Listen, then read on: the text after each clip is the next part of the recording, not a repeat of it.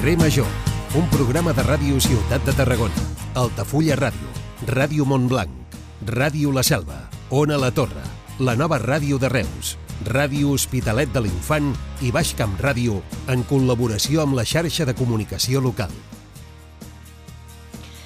Hola, bona tarda. Avui ho he d'admetre. De fet, em passa bastants dies, però avui especialment començo el programa atabalada. És d'aquelles jornades en què gairebé tenim més notícies de les que podem arribar a assimilar. Falten tot just 5 dies perquè s'obria la circulació al túnel del coll de l'illa i ara, finalment, el Ministeri de Transport s'ha compromès a pagar els 700.000 euros d'indemnitzacions als veïns de l'illa per les esquerdes que van provocar les obres de perforació del túnel. Una bona notícia i esperada de, de fa temps per als veïns d'aquesta pedania de Montblanc. Després ja veurem qui es fa càrrec d'aquests 700.000 euros. De moment surten d'arques públiques. Després s'ha de reclamar a l'empresa que va fer les obres perquè ho pagui. Ho ha recorregut, però recordem-ho. També acabem de saber que Esquerra Republicana demanarà la compareixença de la ministra de Transició Ecològica, de Teresa Rivera, perquè doni explicacions sobre la línia de molt alta tensió de Forestàlia. Un projecte controvertit i que afecta molts municipis del Camp de Tarragona, perquè es tracta d'una línia de molt alta tensió amb unes torres enormes que ha de portar electricitat des de l'Aragó fins a la zona metropolitana de Tarragona i trinxa territori. Avui al programa tindrem l'oportunitat de parlar-ne amb el nostre primer convidat d'avui, que ja us ho avancem, és el delegat del govern a Tarragona, l'Àngel Xifré. I a Tarragona ciutat continua l'estira i arronsa sobre l'estat de les finances municipals i com fer-hi front. Ara l'equip de govern ha rebaixat les seves pretensions inicials. En lloc de proposar pujar l'IBI un 20%, proposen fer-ho un 7,4%. A veure si d'aquesta manera poden arribar a un acord amb els equips de l'oposició que havien posat el crit al cel. A Reus no hi ha tant d'escarafall, tant de bum-bum. Avui s'ha presentat el pressupost de l'any vinent. Puja 217 milions d'euros, el que representa un increment de l'11,5%. I sabeu aquella expressió de «contigo empezó todo»? Doncs ara podem dir «aquí empezó todo» perquè arran d'uns correus electrònics en una empresa de Vilaseca, un jutjat de Tarragona i també la Fiscalia Anticorrupció han començat a estirar el fil i estan investigant una presumpta trama per afavorir empreses gasistes que esquitxa, ni més ni menys, que l'exministre d'Hisenda, Cristóbal Montoro. Això només en crònica local. Ja no diem res d'actualitat nacional i internacional perquè no acabaríem ni demà. Som Carrer Major, som les emissores del Camp de Tarragona, us acompanyem tot l'equip que fem possible aquest programa. Som vuit emissores implicades, per tant, una gentada.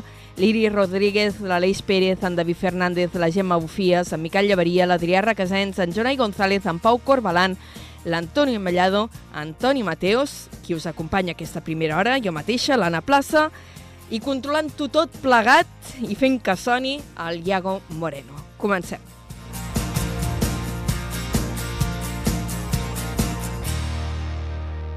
Carrer Major, Anna Plaza i Jonai González.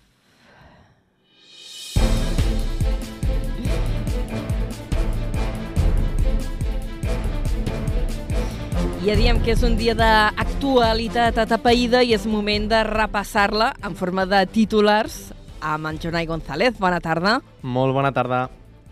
Comencem explicant que el Ministeri de Transports, el MITMA, s'ha compromès a pagar els 700.000 euros d'indemnitzacions que es deuen als veïns de l'illa per les esquerdes que van provocar les obres del túnel. El secretari d'Infraestructures i el subdelegat del govern s'han reunit amb l'alcaldessa de la Pedania només cinc dies abans que s'inauguri el túnel del Coll de l'Illa. L'equip de govern municipal de Tarragona rebaixa les seves pretensions inicials. En lloc de pujar l'IBI un 20%, ara proposa fer-ho un 7,4% per mirar d'arribar a un acord amb l'oposició. Amb l'augment d'impostos, el PSC espera recaptar 6,8 milions d'euros més, però per al nou pressupost manquen 14 milions. L'Ajuntament de Reus ha presentat un pressupost de 217 milions d'euros per l'any vinent, un 11,5% més que el d'enguany. El govern municipal diu que per dur a terme la seva acció de govern calen 9,6 milions d'euros més i planteja una pujada de les ordenances.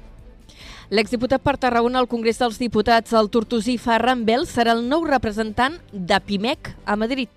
La patronal de la petita i mitjana empresa catalana ha decidit obrir una oficina permanent a la capital de l'Estat. Un jutjat de Tarragona i la Fiscalia Anticorrupció estan investigant una presumpta trama per afavorir empreses gasistes que esquitxa l'exministre d'Hisenda Cristóbal Montoro. La investigació va iniciar-se arran d'uns correus electrònics sospitosos en una empresa del territori. Mobilització social, unes 400 persones es van manifestar ahir a la tarda vespre a Tarragona en solidaritat amb la població de Palestina i per rebutjar l'ofensiva militar d'Israel a Gaza. Durant l'acte que es va fer a la plaça de la Font es van llegir diversos manifestos en favor de la pau i també en favor de la llibertat del poble palestí. I l'Ajuntament de Reus, en Crònica Municipal, destaquem que ha presentat el Pla d'Acció per a aquest mandat, que inclou 400 accions. Les propostes es basen en tres eixos, l'atenció a les persones, l'àmbit del coneixement i l'innovació i la sostenibilitat i el medi ambient. I avui hi ha hagut ple a Torre d'Embarra. S'ha aprovat de manera inicial la reurbanització de l'antiga carretera de la Riera per millorar l'accés al futur centre d'atenció primària. Els treballs afectaran un tram de 300 metres i es preveu una inversió de mig milió d'euros i que les obres durin 8 mesos i la plana cultural que vindrà marcada per la presentació del Memoromage. Tenim, com dèiem, més notícies gairebé de les que podem assumir, ho repassarem d'aquí mitja hora. Jonai González, gràcies i fins després. Fins després.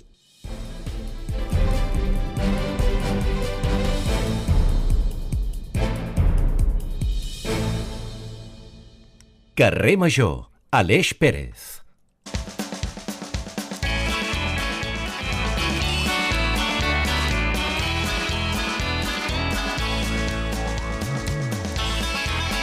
Aleix Pérez. Ana Plaza. Bona tarda. Bona Què tarda. tal? Que, regal informatiu, eh? Estava, estava Ostres, escoltant estic aquí tot, suant. el- tot, el que, tot, el que, tot el que heu d'informar i, i Mira, dic Déu-n'hi-do. per no plorar, perquè cada vegada que obria l'agència o obria el correu electrònic me trobava una cosa diferent. I era, no puc, no puc, o sigui, jo no puc assumir tantes coses.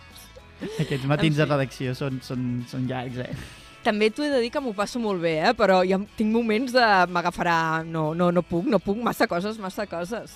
Escolta, la segona hora també teniu massa coses, massa coses, o esteu una mica més tranquils que jo? Òbviament, Ai, que, mare també Déu. és part de l'essència de carrer Major, no? Tenir moltes coses perquè tenim un territori molt divers i, i l'intentem doncs, aquí reflectir en aquest programa de ràdio. Començarem amb els estudis de Ràdio Montblanc, on entrevistarem a Esther Ramon i Ramon Pérez, president i vicepresident de l'Associació d'Amics del Camí de Sant Jaume. Després, a la col·laboració, parlarem d'un tema molt interessant amb l'Anna Palau, la doctora Anna Palau, i parlarem de les aturades cardiorrespiratòries, com s'ha d'actuar, què hem de fer, i, i una mica també el paper inclús dels desfibriladors que tenen dintre de- de- d'aquestes aturades. Als ODS també parlarem amb Gerard Nogués de Copcamp per parlar dels diferents projectes que té la cooperativa i, òbviament, com no pot faltar, la banda sonora del Camp de Tarragona i ho rematarem amb una furgó del Miquel Llevaria des del Rally Rack Costa Daurada, de, de, Home, dels cotxes que tant li agraden, bé. que tant li agraden al Miquel. És un superexpert, s'ha d'aprofitar això. Sí, sí, tant. Molt bé. Ai, doncs a tope, eh? Jo, jo Sí, vaig sí, a tope, avui- avui vosaltres de- veig que també. Sí, sí, és un dia de, de, de molta energia, de moltes coses, però també de molta energia. I ara tindrem una entrevista que també no tindrem temps de preguntar tot el que voldríem, però ara hi anem. No, no, no, més Ah. temps, ja, fes, fes. Aleix, eh, et passo el relleu a les 5. Fins Ens ara. Adéu.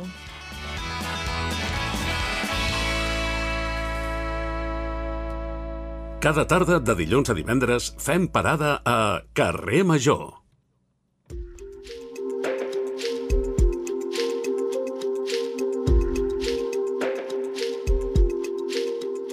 Quatre i 12 minuts, moment d'endinsar-nos en la primera entrevista. Avui ja us ho hem dit a l'obertura, tenim el delegat territorial del Govern Català al Camp de Tarragona, l'Àngel Xifré.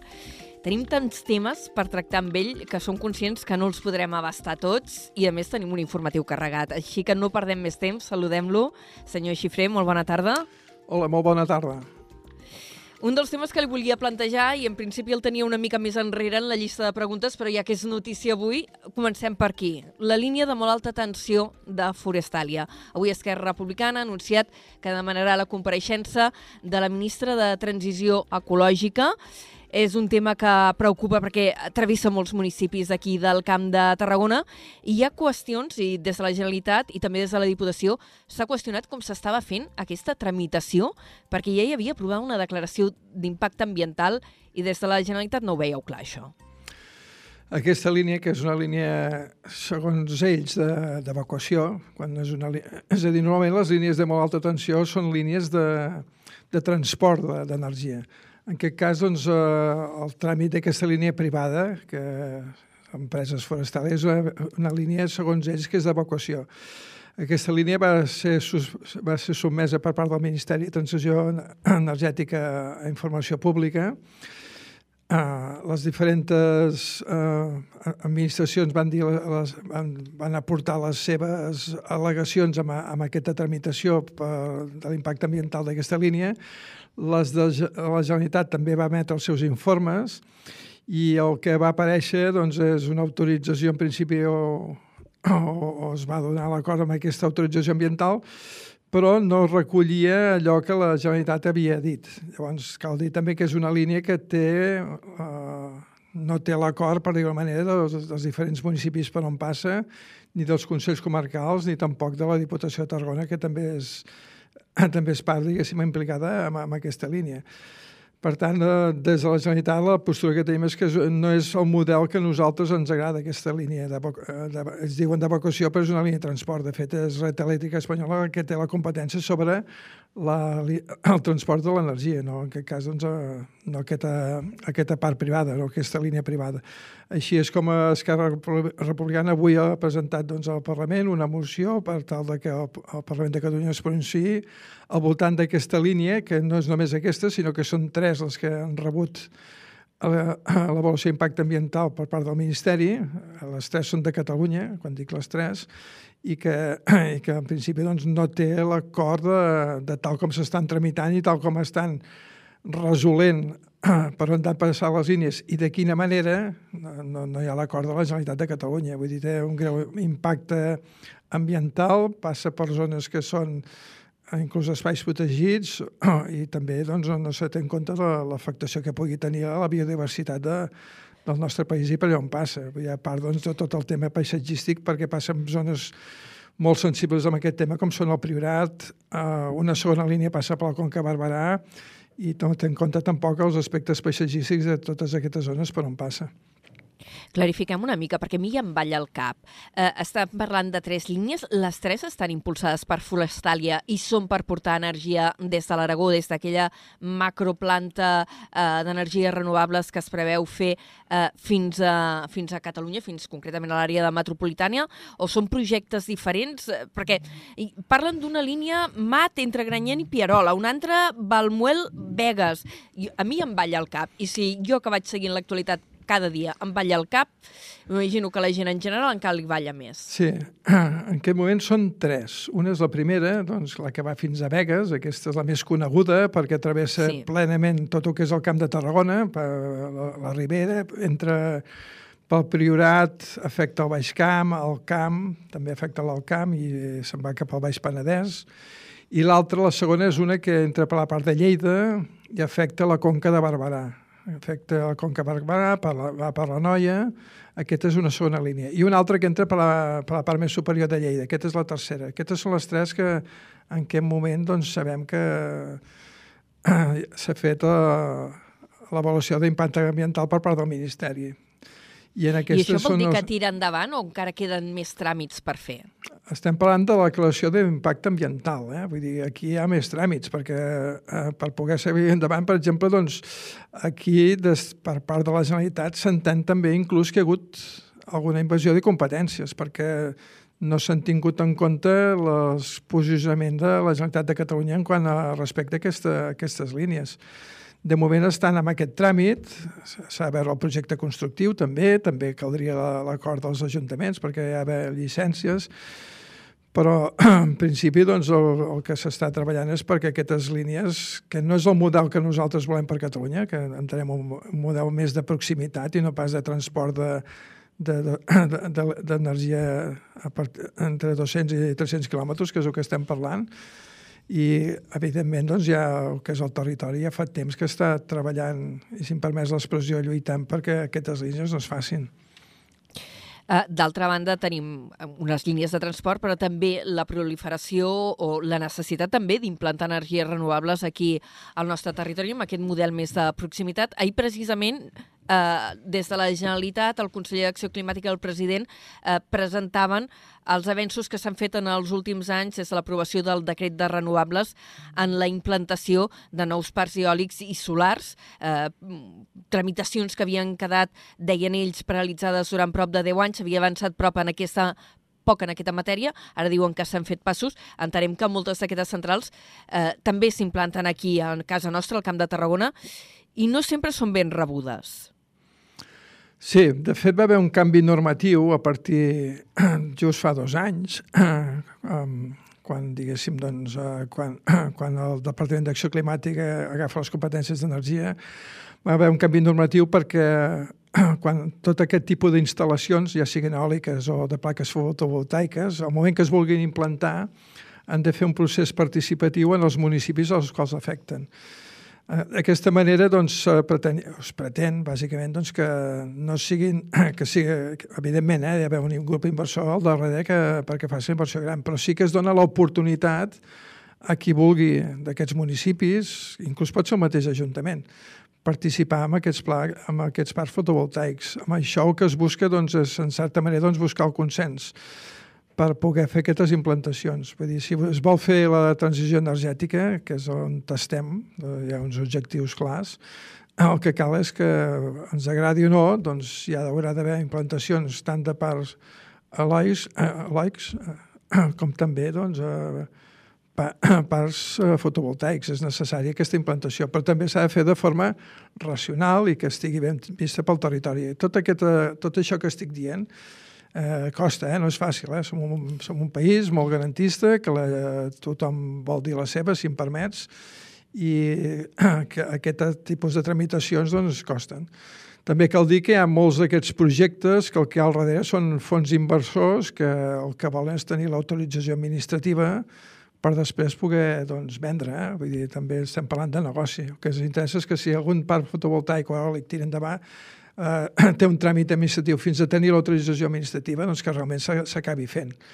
N'hi ha un que està a punt ja d'inaugurar-se, que és al costat de Constantí, del polígon industrial de Constantí. Que, que aquest és un macroparc, oi? Sí, aquest és dels, dels primers que es van autoritzar. Em sembla que té al voltant de 14-15 hectàrees i que ja està molt avançat i segurament doncs, es posarà en marxa. Jo diria que segurament, al moment que es posi en marxa, serà el més gran de tot Catalunya en aquests moments.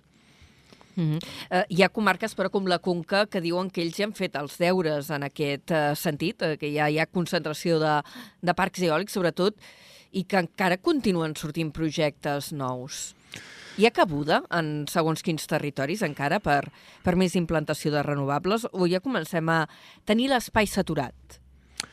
És cert que hi ha comarques, sobretot les comarques del sud, que som nosaltres, que contribuïm a nivell de país, a nivell de Catalunya, eh, Uh, és a dir, està sobre les nostres espatlles, diguéssim així, doncs la, la generació d'energia. Eh? Tenim, tenim les centrals nuclears, tenim els grans parcs eòlics estan doncs, situats a la zona del sud de, de Catalunya, també algunes a la zona de Lleida, i és cert que doncs, aquestes comarques el debat hi és en el sentit de que, per exemple, com que Barberà, doncs, que té algun parc eòlic de, a la zona Belltall o, per exemple, a la zona de, de Santa Coloma Canal, que ells consideren que ja doncs, aporten suficient. Eh? Doncs, jo crec que s'ha de respectar aquesta, aquesta posició, perquè és, és cert.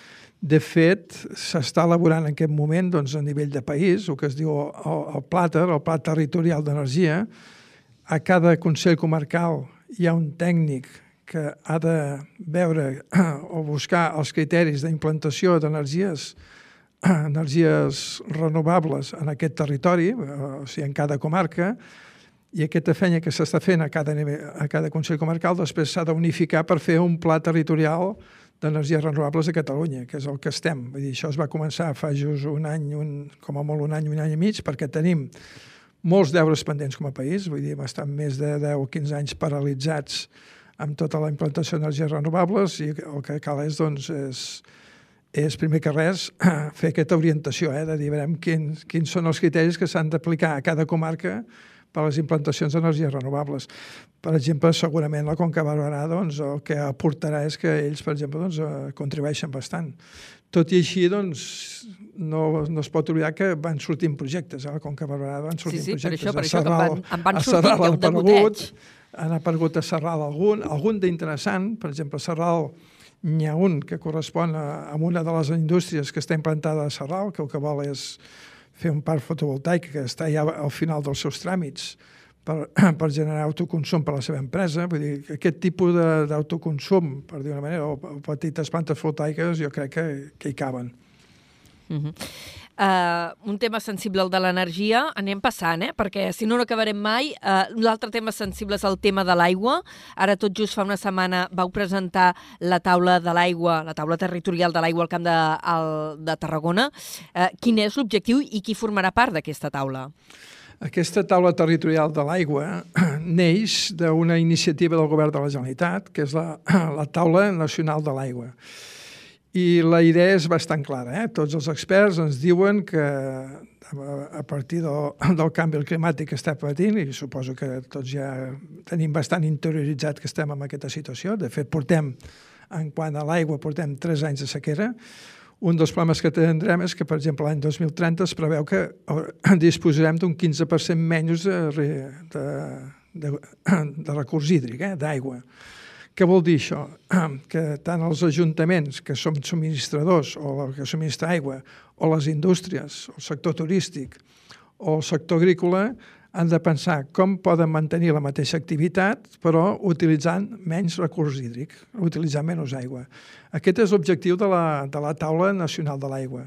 Té unes derivades com són les taules territorials de l'aigua, que en aquest cas doncs, la que vam constituir la setmana passada, la, la taula territorial de l'aigua del Camp de Tarragona, que l'objectiu serà a petita escala doncs, establir el que és les nostres comarques, doncs, establir quins criteris, quins objectius, què és el que ens plantegem com a territori que, siguin, que es pugui fer per tal doncs, que, les, ja tal com he dit, eh, el sector primari, l'agricultura, el sector industrial, el sector turístic, els ajuntaments consumeixin menys aigua.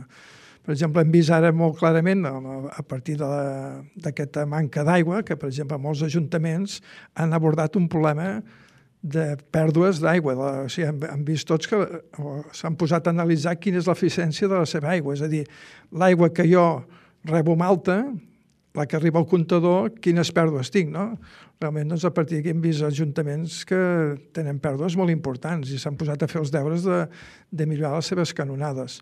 Aquesta és la reflexió, bàsicament, que, que es pretén. Eh? Vull dir, hem de treballar tots, mirar d'aconseguir la mateixa activitat econòmica, la mateixa qualitat de vida, però utilitzant menys aigua. Qui ha convidat amb aquesta taula? Doncs hi ha convidades doncs, tothom que té a veure amb, amb aquests sectors. I quan parlo d'aigua també he de parlar de la part ambiental. Eh? També, per exemple, doncs, hi havia els grups ecologistes convidats, també hi havia tots els gestors d'aigua, els consells comarcals perquè els representen els seus municipis, perquè molta, molts municipis la gestió d'aigua la fa el propi Ajuntament. Havia Matsa, havia Aigües de Reus, havia el Consorci d'Aigües de Tarragona, també hi havia el sector empresarial, el sector Efectes industrial. pràctics?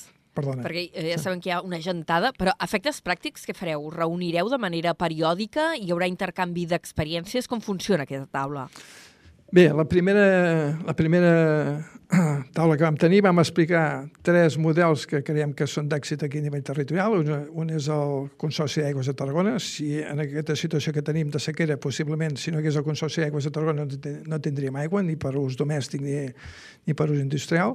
L'altre model que vam explicar va ser el d'Aitassa, que és el sector químic, va fer una, ha fet una empresa que es diu Aitassa, que el que fa és regenerar l'aigua i utilitzar-la per, per usos químics, eh, perdó, pels usos industrials propis, i l'altre és el sistema de, molts sistemes de rec que tenim aquí al Camp de Tarragona que són molt eficients.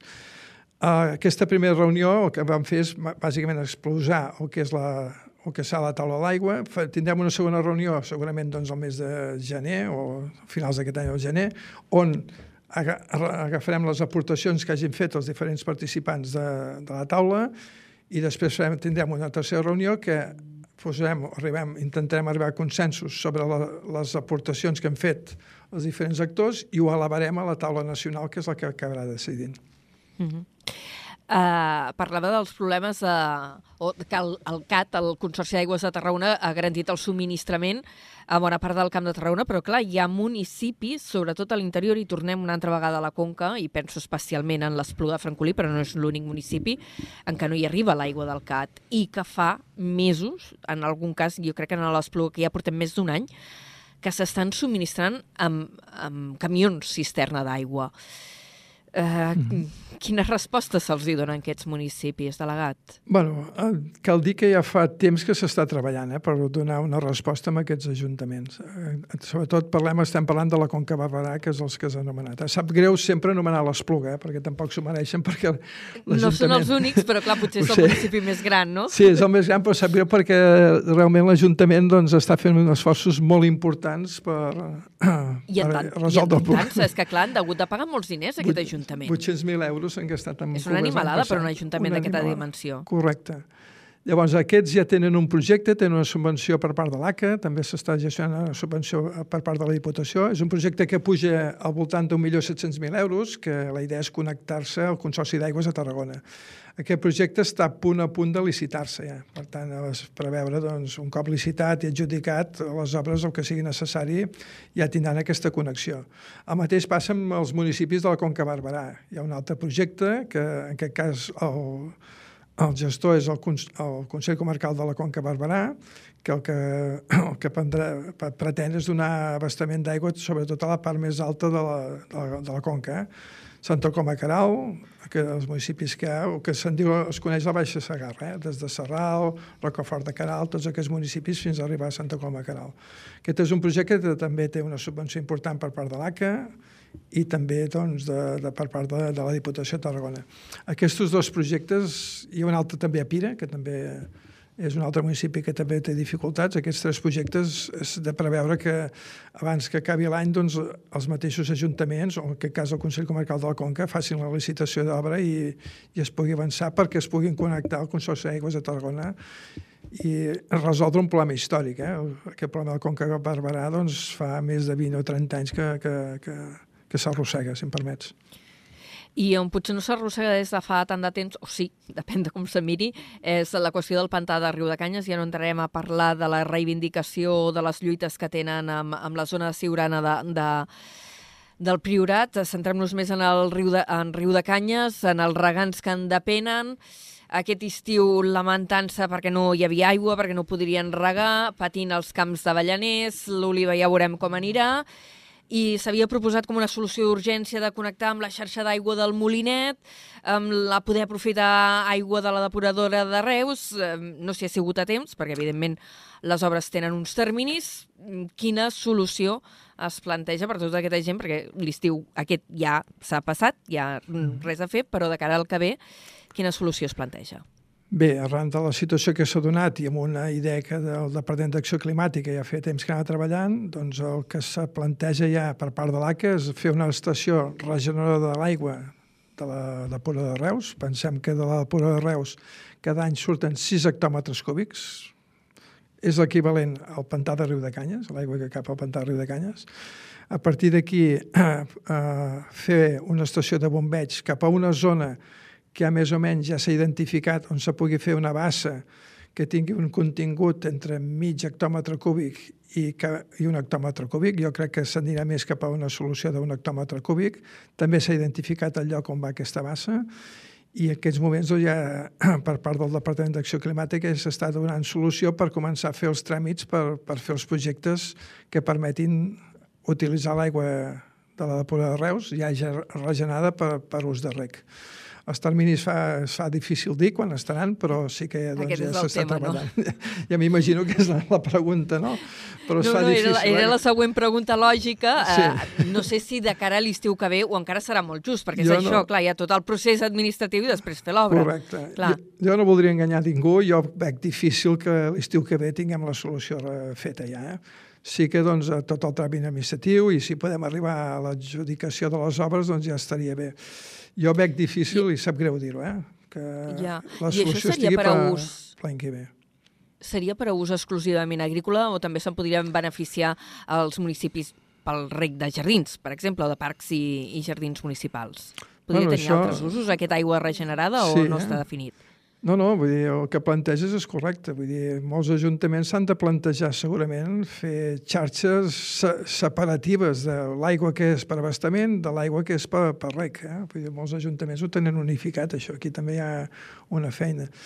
De moment el que es plantegem sobretot és garantir l'aigua pel sector agrícola. Això és el que, tal com està plantejada la solució i que ja estan definits els paràmetres tècnics de com ha de ser la solució, en aquest moment està pensada per portar aigua, diguéssim, per, per la comunitat de regants del pantà del riu de Canyes.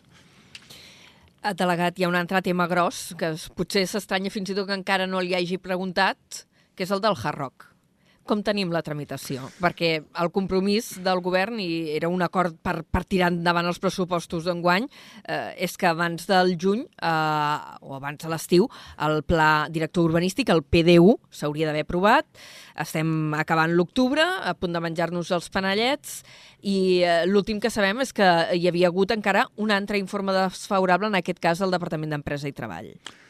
Sí, tenim el que va sortir públic, és l'informe d'Empresa i Treball, que deia que mentre... De fet, l'anterior PDU va, va quedar aturat perquè un jutge va determinar que el risc químic afectava a la zona, diguéssim, de, de Hard perquè ens entenguem tots.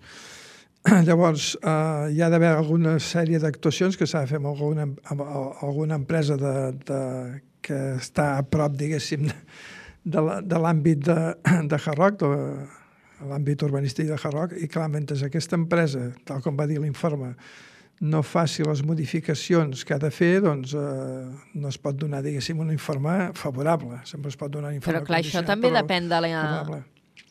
Na- Anava a dir-li això, depèn de la voluntat de l'empresa, depèn, en aquest cas, cas em sembla que era Aircross. Mm. Eh, què passa? Que si Aircross no es compromet a fer aquestes inversions, el PDU, el Pla Director Urbanístic de Hard Rock, no tira endavant?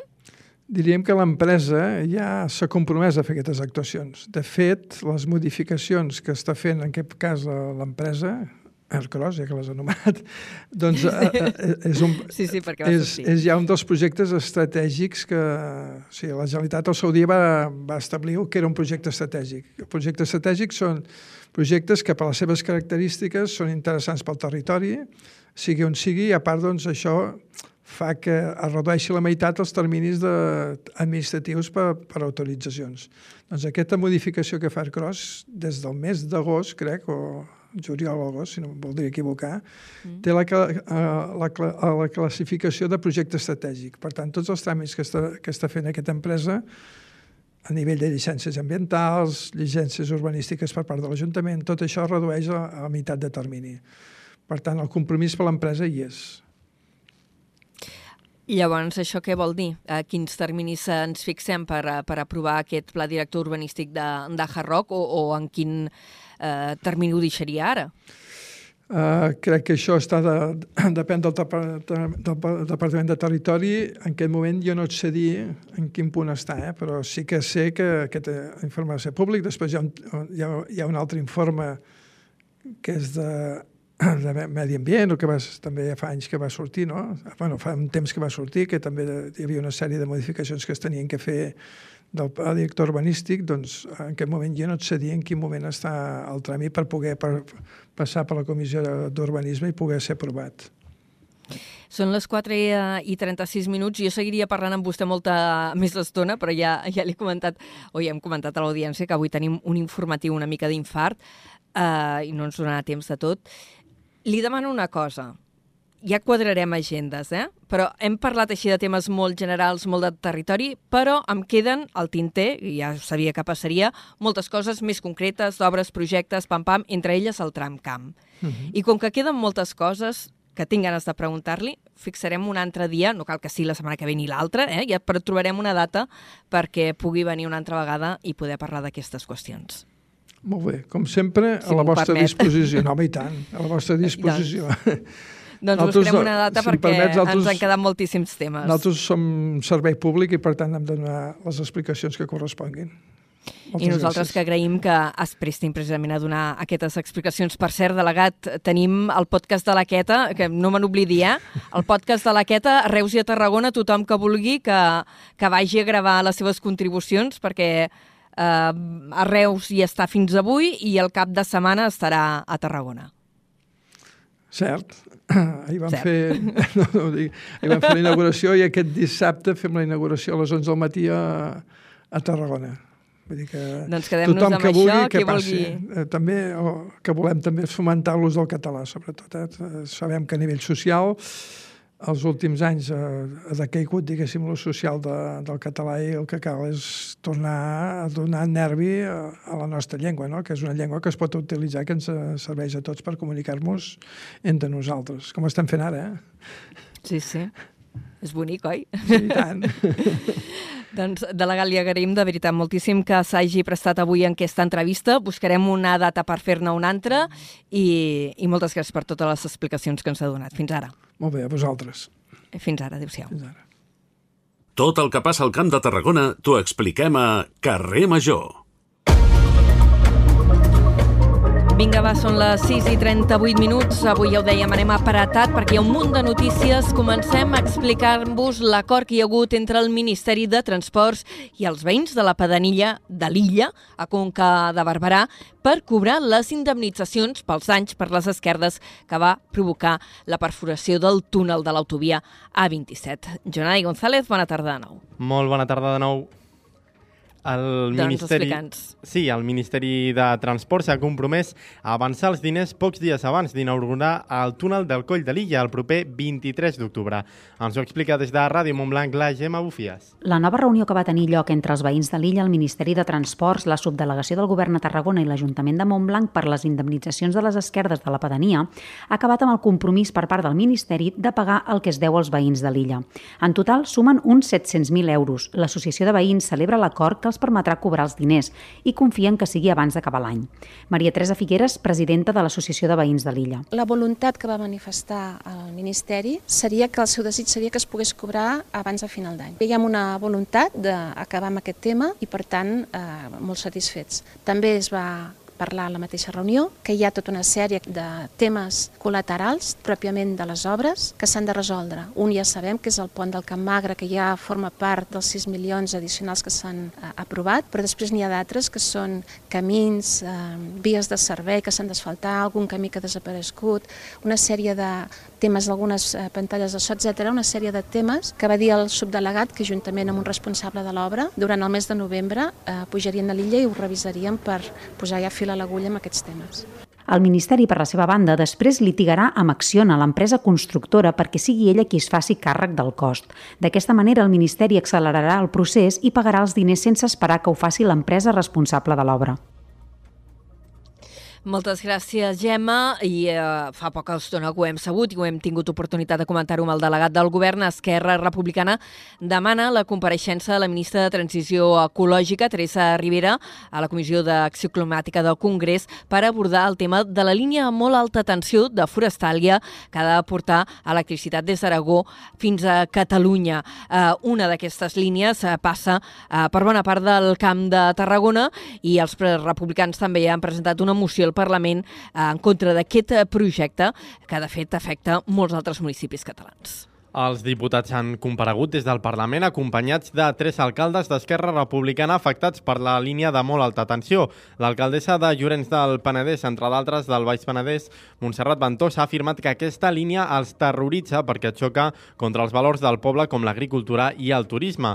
Ventós ha manifestat també que la línia de molt alta tensió és una agressió tremenda al territori, al paisatge i al seu model econòmic. Sobre la moció, Vilalta ha demanat un compromís a la resta de partits perquè tiri endavant i ha interpel·lat directament als socialistes. La republicana ha defensat el model propi energètic català que ha descrit com a proper, renovable, sobirà i democràtic. Així mateix, ha reclamat no reproduir un model caduc en mans d'aprovats i oligopolis. Paral·lelament, Esquerra Republicana ha presentat una moció al Parlament en contra d'aquesta línia i també incitant a la Generalitat que emprengui mesures legals per aturar-la. A Tarragona i a Reus, pendent dels diners, l'equip municipal eh, de Tarragona avui ha fet una contraproposta sobre l'increment de l'IBI i ha rebaixat el que havien dit inicialment. La nova proposta l'ha anunciat avui la consellera d'Hisenda Isabel Mascaró, qui ha rebaixat la pujada del 20% al 7,4%. Ens ho amplia l'Adrià Tella des de Ràdio Ciutat de Tarragona. L'Ajuntament de Tarragona està en una situació econòmica molt delicada, se sap des de fa unes setmanes. El consistori necessita aconseguir uns 14 milions d'euros per poder tirar endavant un pressupost de mínims de cara a l'any vinent i per obtenir-los té dues vies, incrementar ingressos o reduir despeses. Des de l'actual equip de govern tenen la clara intenció de garantir la qualitat de serveis essencials i per això aposten per incrementar les ordenances fiscals, és a dir, a pujar impostos a la ciutadania. La proposta de l'actual govern preveu obtenir 6,8 milions d'euros amb un increment de l'IBI del 7, 0,40%, reduint força la intenció inicial, que era la pujada d'un 20%, una disminució que es genera amb l'objectiu de fer viable un acord amb els partits de l'oposició. Ho explica Isabel Mascaró, consellera d'Hisenda, Serveis Interns i Tecnologia. La proposta inicial, en quant a l'impost de béns immobles, era fer una pujada d'un 20%. El 20% aquest és el que permetia cobrir gran part de les necessitats pressupostàries. Ara bé, eh, com saben, eh, estem immersos no, en diverses negociacions amb aquells grups de l'oposició doncs, que s'han manifestat, diguéssim, eh, favorables a una pujada de, una pujada d'ingressos i en aquest sentit reduïm la proposta inicial del 20 a un increment de l'IBI del 7,40%. Vinculada a aquesta pujada de l'IBI, que afectaria de manera desigual segons la zona i els metres quadrats de cada habitatge, la proposta inclou la pujada del recàrrec per pisos buits del 50 al 150%, així com la supressió de la bonificació per la instal·lació de plaques solars. Més enllà de l'IBI, també es proposa l'increment d'un 12% de la taxa d'escombraries, destinats a aquests impostos a l'adequació que necessita per llei la planta incineradora de residus actual. També pujaria un 20% l'impost d'aparcament en zona regulada, tant zona blava com verda i taronja, així com passar del 3 al 4% l'impost de la construcció construcció per l'obra nova. Aquesta proposta ja ha estat traslladada als grups de l'oposició i el termini per arribar a acords és fins al pròxim 26 d'octubre, quan està previst el plenari municipal on es tractarà i votarà aquesta qüestió. Moltes gràcies, Adrià. I a Reus avui s'ha presentat un pressupost per l'any vinent que puja a 217 milions d'euros. És un 11,5% més que el d'enguany. El govern municipal diu que per dur a terme la seva acció de govern calen 9,6 milions d'euros més i planteja una pujada de les ordenances. Ens ho amplia des de la nova ràdio de Reus, en David Fernández. Després de revisar l'economia municipal, l'alcaldessa de Reus, Sandra Guaita, assegura que farien falta 9,6 milions d'euros més per poder cobrir compromisos adquirits per l'anterior govern, per millorar i estabilitzar condicions laborals als treballadors i per cobrir i corregir les necessitats econòmiques reals d'organismes autònoms i d'empreses municipals. Davant aquesta situació, l'Ajuntament presenta un pressupost pel 2024 de 217 milions d'euros, que augmenta en un 11,5% als 195.000 d'enguany. Per Sandra Guaita, es tracta d'un pressupost realista i de caràcter expansiu. Volem que hi hagi una, un servei a la ciutadania òptim, per tant, s'ha de dotar l'Ajuntament, els organismes autònoms i les empreses municipals de manera adequada per poder prestar aquest servei de manera correcta. Per tant, no volem moure romanents, sinó que volem que estigui ja eh, incorporat dins del pressupost municipal del 24. Pel que fa a les ordenances, el govern assegura que s'han hagut d'adaptar a la situació actual perquè l'anterior govern no ho havia fet. És per això que pujaran diferents taxes, com ara la de residus, que s'incrementaran un 14%, o l'IBI en un 12,5%. Gràcies, David. I ara recollim en política un nom propi, el de l'exdiputat del Congrés, el diputat tarragoní, per cert, de tarragoní i exalcalde de Tortosa, en Ferrer Albel, avui hem sabut que serà el nou representant de la patronal de les petites i mitjanes empreses, de PIMEC, a Madrid. Aquesta patronal catalana ha decidit obrir una seu permanent a la capital de l'Estat. L'elecció del Ferran Bel, de, exalcalde de Tortosa, coincideix amb les negociacions perquè les pimes tinguin més representativitat en la negociació col·lectiva d'àmbit estatal. Ara mateix l'única representant de l'empresariat és la patronal COE i Bel ha assegurat que treballarà amb l'objectiu que el que reguli a Madrid sigui molt més favorable per la petita i mitjana empresa. I ara parlem d'una investigació anticorrupció que ha arrencat aquí a Tarragona. De fet, eh, hi participa eh, un jutjat, el número 2 de Tarragona, també eh, la a Fiscalia Anticorrupció. S'està investigant una trama que eh, pretendria afavorir empreses gasístiques i que esquitxaria l'exministre d'Hisenda del Partit Popular, Cristóbal Montoro. Un jutjat de Tarragona està intentant esbrinar si les companyies pagaven comissions per influir en com es feia la legislació. La Fiscalia Anticorrupció investiga si els membres del despatx Equip Econòmic, que va fundar el 2006 l'exministre del Partit Popular, Cristóbal Montoro, va usar les seves influències entre els càrrecs i funcionaris del Ministeri d'Hisenda per beneficiar els seus clients. La investigació va començar a l'agost de 2018 i se centra en una trama que tenia la finalitat de crear les condicions adequades per facilitar reformes legislatives favorables a les gasístiques englobades a l'Associació de Fabricants de Gasos Industrials i Medicinals. El Suprem confirma la sentència de 18 anys de presó a un home per assassinar l'amant de la seva exparella a Vilaseca fa 3 anys. L'alt tribunal desestima el recurs de, present, de, de cassació que s'havia presentat eh, l'home al eh, Tribunal Superior de Justícia de Catalunya. El judici es va celebrar l'any passat a l'Audiència de Tarragona amb jurat popular que va considerar per unanimitat que va ser l'autor de propinar diverses punyalades a la víctima que dormia al domicili de la seva exparella. També s'hi va imposar una indemnització de 150.000 i 100.000 euros per la mare i germana de la víctima i 750.000 euros per als tres fills. El Suprem ha desestimat el recurs de cassació i, per tant, la sentència de l'alt tribunal ja és definitiva. La Guàrdia Civil ha retirat i destruït una granada de morter de la Guerra Civil Espanyola amb la càrrega intacta que divendres es va trobar submergida a la platja llarga de Tarragona. La granada estava a 8 metres de la línia de costa, a uns 80 centímetres de profunditat. Era un artefacte Valero, model 1933 de 81 mil·límetres, sense detonar en un estat avançat de degradació per oxidació i amb la càrrega explosiva completa. La destrucció es va fer en un lloc segur. Protecció Civil ha activat les alertes per pluges intenses i, bé, i vent arreu del país. Es preveuen precipitacions que poden arribar als 20 litres en només mitja hora, ventada amb ratxes superiors als 70 quilòmetres i molt donatge al litoral. Segons el Servei Meteorològic de Catalunya, es tracta d'un front que passarà ràpid, si bé el temporal es preveu que afecti tot el país. Les precipitacions més intenses s'esperen al Pirineu de Lleida. Protecció Civil també ha activat les alertes del Bancat i el Procicat. La pluja anirà arribant al llarg de la tarda i la part més extensa i intensa serà entre el vespre i la nit d'aquest dijous. Es demana molta precaució perquè es podrien produir avingudes importants d'aigua en rieres i rierols que ara baixen cesses. Uh, pel que fa a l'onatge, s'alterarà molt ràpid gairebé arreu de Catalunya a partir d'aquest dijous i fins divendres a la tarda, amb onades que podrien arribar fins als 4 metres. Unes 400 persones es van manifestar ahir a la tarda a Tarragona en solidaritat amb el poble palestí per rebutjar l'ofensiva militar israeliana a Gaza. Durant l'acte que es va fer a la plaça de la Font es van llegir diversos manifestos a favor de la pau i la llibertat del poble palestí. També es va qualificar l'agressió indiscriminada d'Israel. Igualment, els assistents van denunciar el suport acrític dels governs occidentals a l'estat israelià i la vulneració de drets humans. Saleh Sakadan, membre de la comunitat palestina de Catalunya, defensava el dret del seu poble a viure en llibertat. Actualmente las potencias occidentales eh, no tienen el mismo baremo según quien sea la guerra, según donde se produzca la injusticia.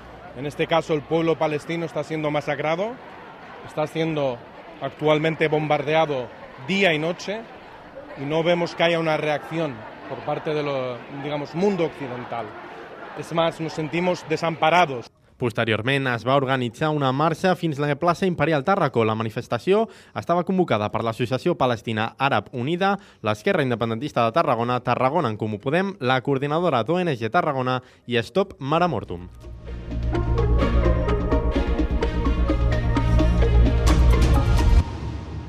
6 i 50, 4 i 51 minuts, ens queden uns 6 minuts d'informatiu. Abans eh, us hem explicat com l'Ajuntament de Reus avui ha presentat eh, proposta de pressupostos i d'ordenances fiscals. Ahir a la tarda presentava una altra cosa important, el Pla d'Acció Municipal per a aquest mandat que inclou 400 accions. Les propostes es basen en tres eixos, l'atenció a les persones, l'àmbit del coneixement i l'innovació i la sostenibilitat i el medi ambient. Ens ho explica des de la nova ràdio de Reus, en David Fernández. El PAM de Reus per a aquest mandat preveu 400 accions en tres eixos eixos. Pel que fa als serveis a les persones, en destaca la necessitat d'ampliar habitatge públic i incorporar habitatges amb serveis per a la gent gran, incrementar les polítiques tant d'igualtat com de seguretat i en matèria cultural s'aposta per un nou espai escènic a l'aire lliure per impulsar la Casa de la Festa i per la reforma dels museus.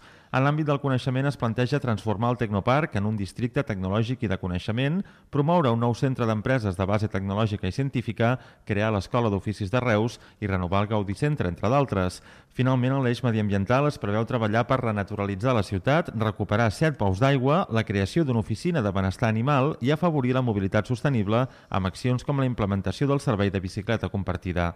Sandra Guaita és l'alcaldessa de Reus. És un document de transformació de la ciutat que ens serveixi durant tot aquest mandat per planificar i dissenyar el Reus que volem per poder transformar aquesta ciutat. És una aposta important, una aposta potent. El govern de Reus presentarà ara el PAM a la ciutadania i l'objectiu és recollir i incorporar algunes de les seves propostes.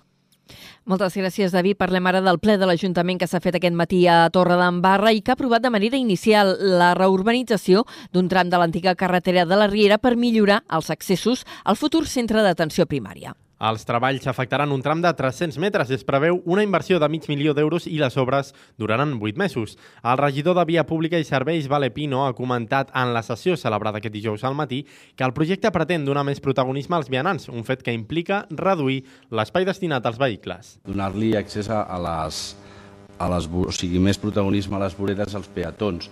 Però heu d'estar tranquils i també així responc al, al company de la CUP, de que estarà dimensionat pels vehicles d'emergència, però no només en l'ambulància, sinó es poden donar moltes emergències en qualsevol de les vies. Amb 6 metres està, estarà més que garantit. Però també he de dir que si fem una aposta d'humanitzar la via pública, d'humanitzar també les carreteres o, aquest, o aquests trams, hem de saber que restarem espai als vehicles per donar-li a les persones, que és una aposta que crec que tots estem d'acord. La sessió d'aquest dijous també ha donat llum verda a l'adjudicació d'un préstec a llarg termini per fer inversions per valor de 397.000 euros.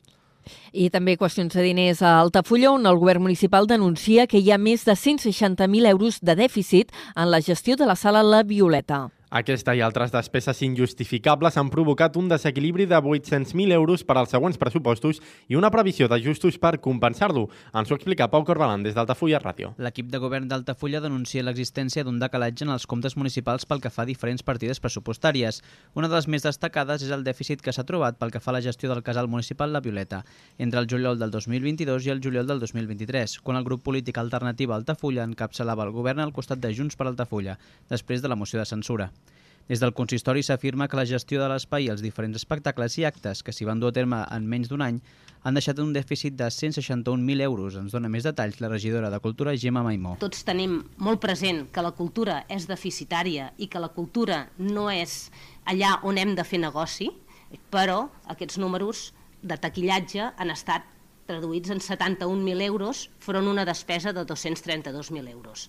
Evidentment això no s'aguanta per enlloc, com ha reconegut mai molt, els espectacles eren d'alt nivell en el marc d'una programació desproporcionada i inassumible per a un poble de 5.600 habitants com Altafulla. També ha assegurat que tenia una finalitat electoralista de cara als comicis del passat mes de maig.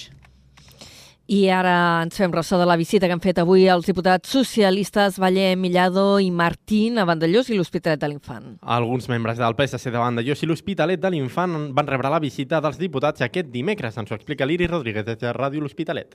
Els diputats tarragonins del PSC al Congrés, Valle Mellado i Andreu Martín van mantenir una reunió amb alguns membres de l'agrupació socialista de Vandellós i l'Hospitalet de l'Infant aquest dimecres 18 d'octubre en el marc de les visites territorials que es duen a terme arran de la recent creació creada Oficina Parlamentària Socialista. Entre els temes que es van posar sobre la taula hi havia les al·legacions que els socialistes han presentat sobre el projecte del magatzem temporal individualitzat a les centrals Vandellós 2.